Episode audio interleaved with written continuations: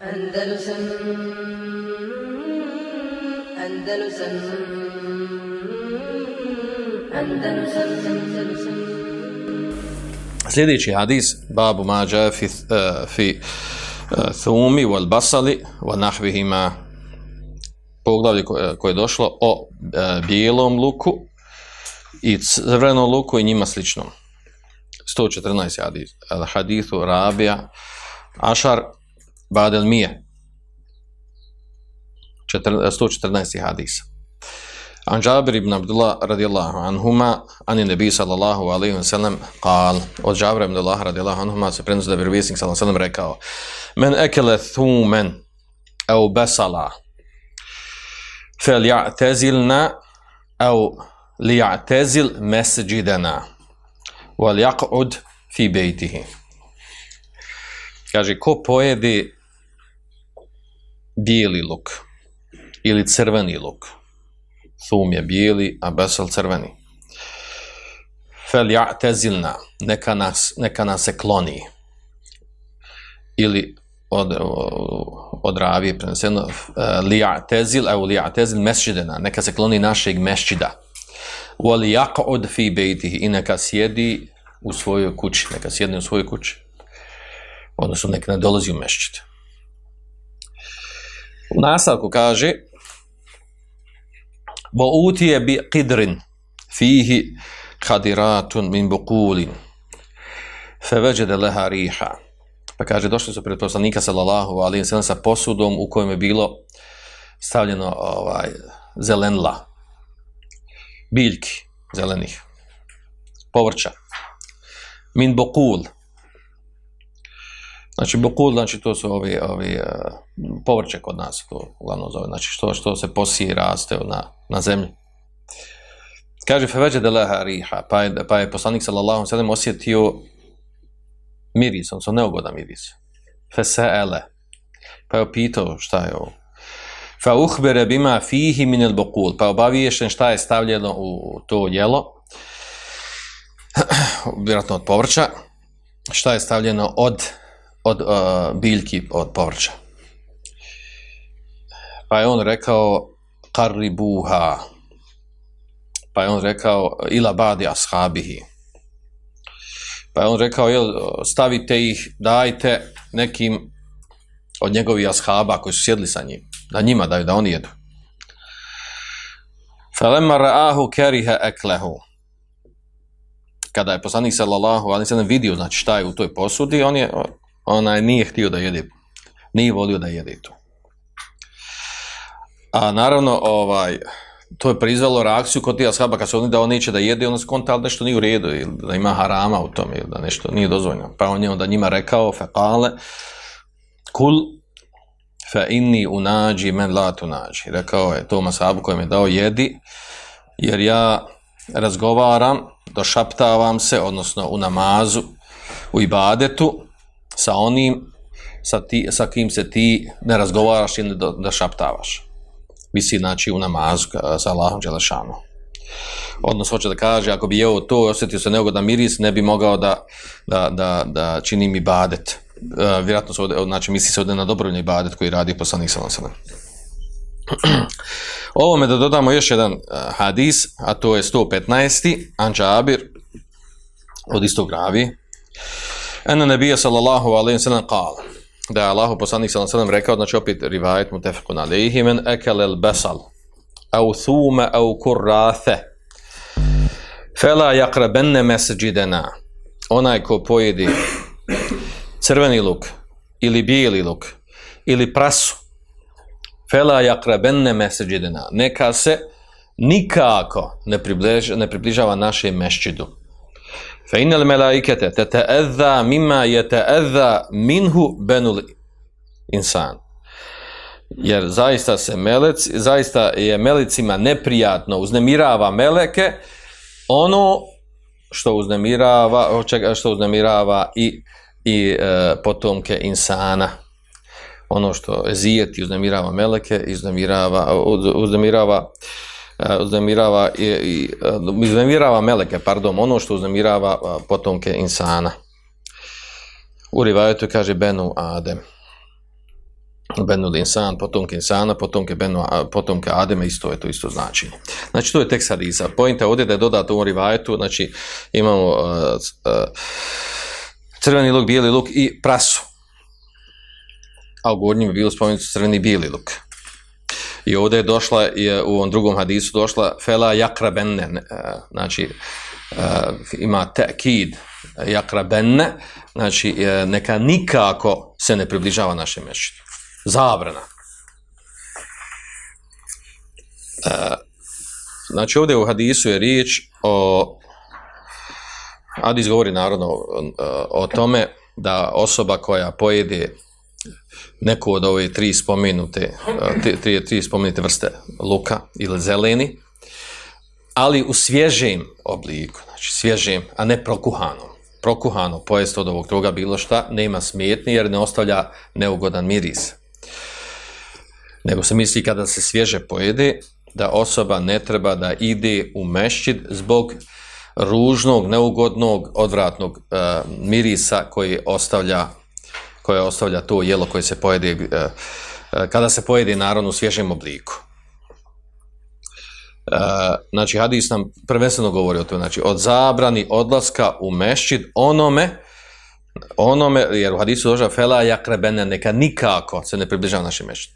Zabrana odlaska u mešćidu onome ko pojede bijeli, crveni luk ili prasu.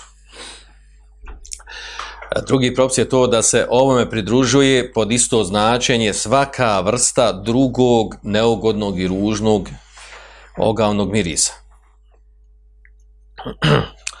Poput čega? Poput ovih eh, malo jačih pušača, oni koji puše mnogo i osjeti se znači jako ružan, neugodan ovaj smrad od, od cigari svejedno na rukama ili iz usta, nije bitno tako da je zijeti klanjača potpada pod isti propis. Ako je neko jel, neko, ne, e, ne konzumira duhan mnogo pa se ne osjeti ovaj, jak, neugodan miris e, znači ne potpada propis. Ali oni koji su ovaj koji su žešći pušači, da tako kažem, jel, koji puno puše na dan jednu kutiju ili dvi, ova, nema sumnja kod njih se osjeti, znači ja, ja mnogo se osjeti. E sad onda je nastavi problem, znači pošto od njim puši stalno, konstantno puši, ispada ne treba nikad dolazi da klanja, tako. To, nama, to, nama, to njima tamo dobro i dođe, jel. I još ti bude, imam, dođe i on, i on, i on bude od tih uz, uz obježenje da je da je mekruh, a i to, kaže, nema dokaza.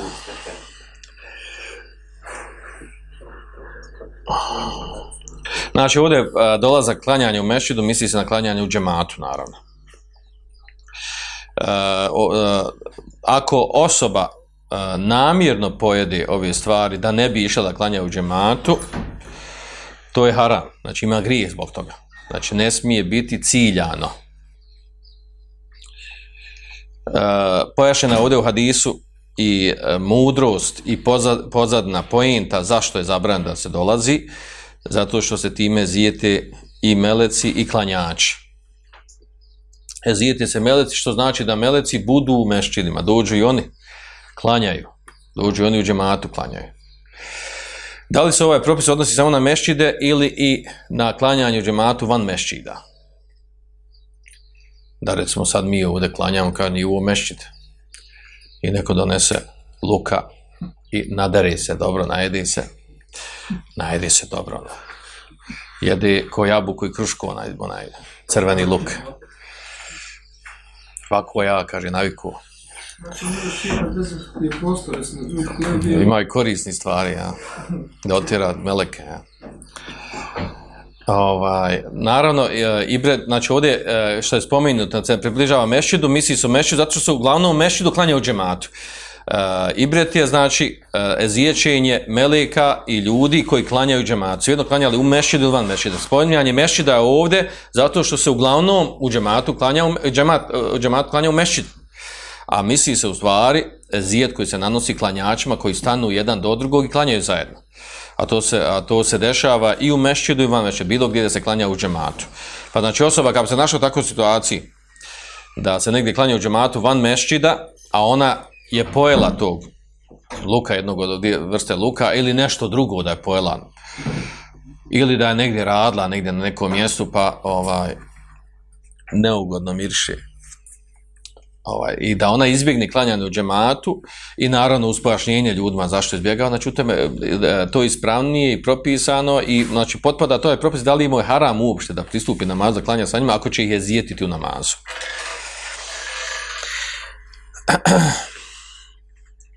E, a ovo naravno ne govori jednoj bitnoj stvari, a to je bilo koji e, vid ezijeta, uznemiravanja na bilo koji način u namazu, čime se, e, čime se vjernici, klanjači odvode i umanjuje se njihova skrušenost i prisebnost, prisebnost, prisutnost u namazu, je potpada pod ovaj propis.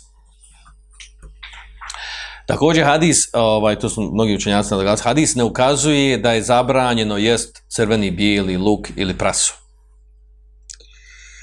A onda je istovremeno ovaj hadis, ili ovi hadisi u ovom kontekstu, oni su dokaz onima koji kažu da nije vađib ići da klanjanje u džematu. Jedan od jačih argumenta. I čak možda najjači argument. Zašto, kako? Jer kažu da je vađib ići klanjati u džematu, onda bi bilo zabranjeno jest uh, u svježem stanju ove tri vrste luka. A onda njima džumhur odgovara, kažu da to nije tako. Zašto? Pa da je, da je to tako, znači, onda bi ispalo po toj logici, po toj logici ispalo, znači, da onaj koji ide na putovanje u toku Ramazana, došla bi zabran da ljudi putuju u toku Ramazana. Što je, ako putuju u toku Ramazana, može da ne posti. I onda nije dozvoljeno u toku Ramazana putovati, Jer ako ode, ode tog Ramazana putuje, znači može da ne posti. A vađe bi da posti. Na, kažu, to je isti propis. A njemu je dozvoljeno tog Ramazana, Ramazana da putuje i da koristi olakšicu ostavljanja posta. A tako isto osobi da pojede luk, da pojede luka o, jedno od ove tri vrste i u tom slučaju kada pojede, da ne mora otići u meši da klanja. Da ima razlog zašto, da, da, zbog čega da izostavlja da izostavi klanjanje u džematu. E, ovdje se naravno izuzetak pravi u tome ako nekom to postaje hile, sredstvo, metod, kako da da mi mojiđe ovaj propis. Da neko namirno znači, pojede i da ima opravdanje zašto ne ide klanjati recimo u džematu, zato što je pojeo od luka, da mu bude to cilj namjera. Ili da, da mu bude cilj namjera da putuje za Ramazan kako ne bi postio za Ramazan bude u namere da ode da ode negdje u turizam, da ode u neku drugu zemlju i onda koristi tu olakšicu, uh, uh, olakšicu ostavljanja posta za Ramazan, pogotovo recimo ljetnim danima. Čito Ramazan ode negdje u turizam, hoda, obilazi Dunjalog, zemlje, radi Ibreta i ne posti čitav Ramazan. A onda dođe, kratki dan dođe za, za vrijeme zime i preposti sve te dane. Znači, ako ima, znači, na njegov nije, tako ima tu namelju, namjeru, namjeru znači korištenja olakšice putovanja ili namjeru dozvole jedenja jedne od ove tri vrste luka sa ciljem da ne radi, izvršava taj vađb. Onda to potpada pod grijeh, da mu nije dozvoljeno. Da je grešan zbog toga, a grešan je zbog te namjere, znači, a dozvoljeno da koristi tu olakšicu. Po većini učenjaka, neki kaže da nije dozvoljeno da koristi. Ali ispravno da je dozvoljeno iz razloga, znači što šerijski tekst ukazuje. Andalusam Andalusam. Andalusam.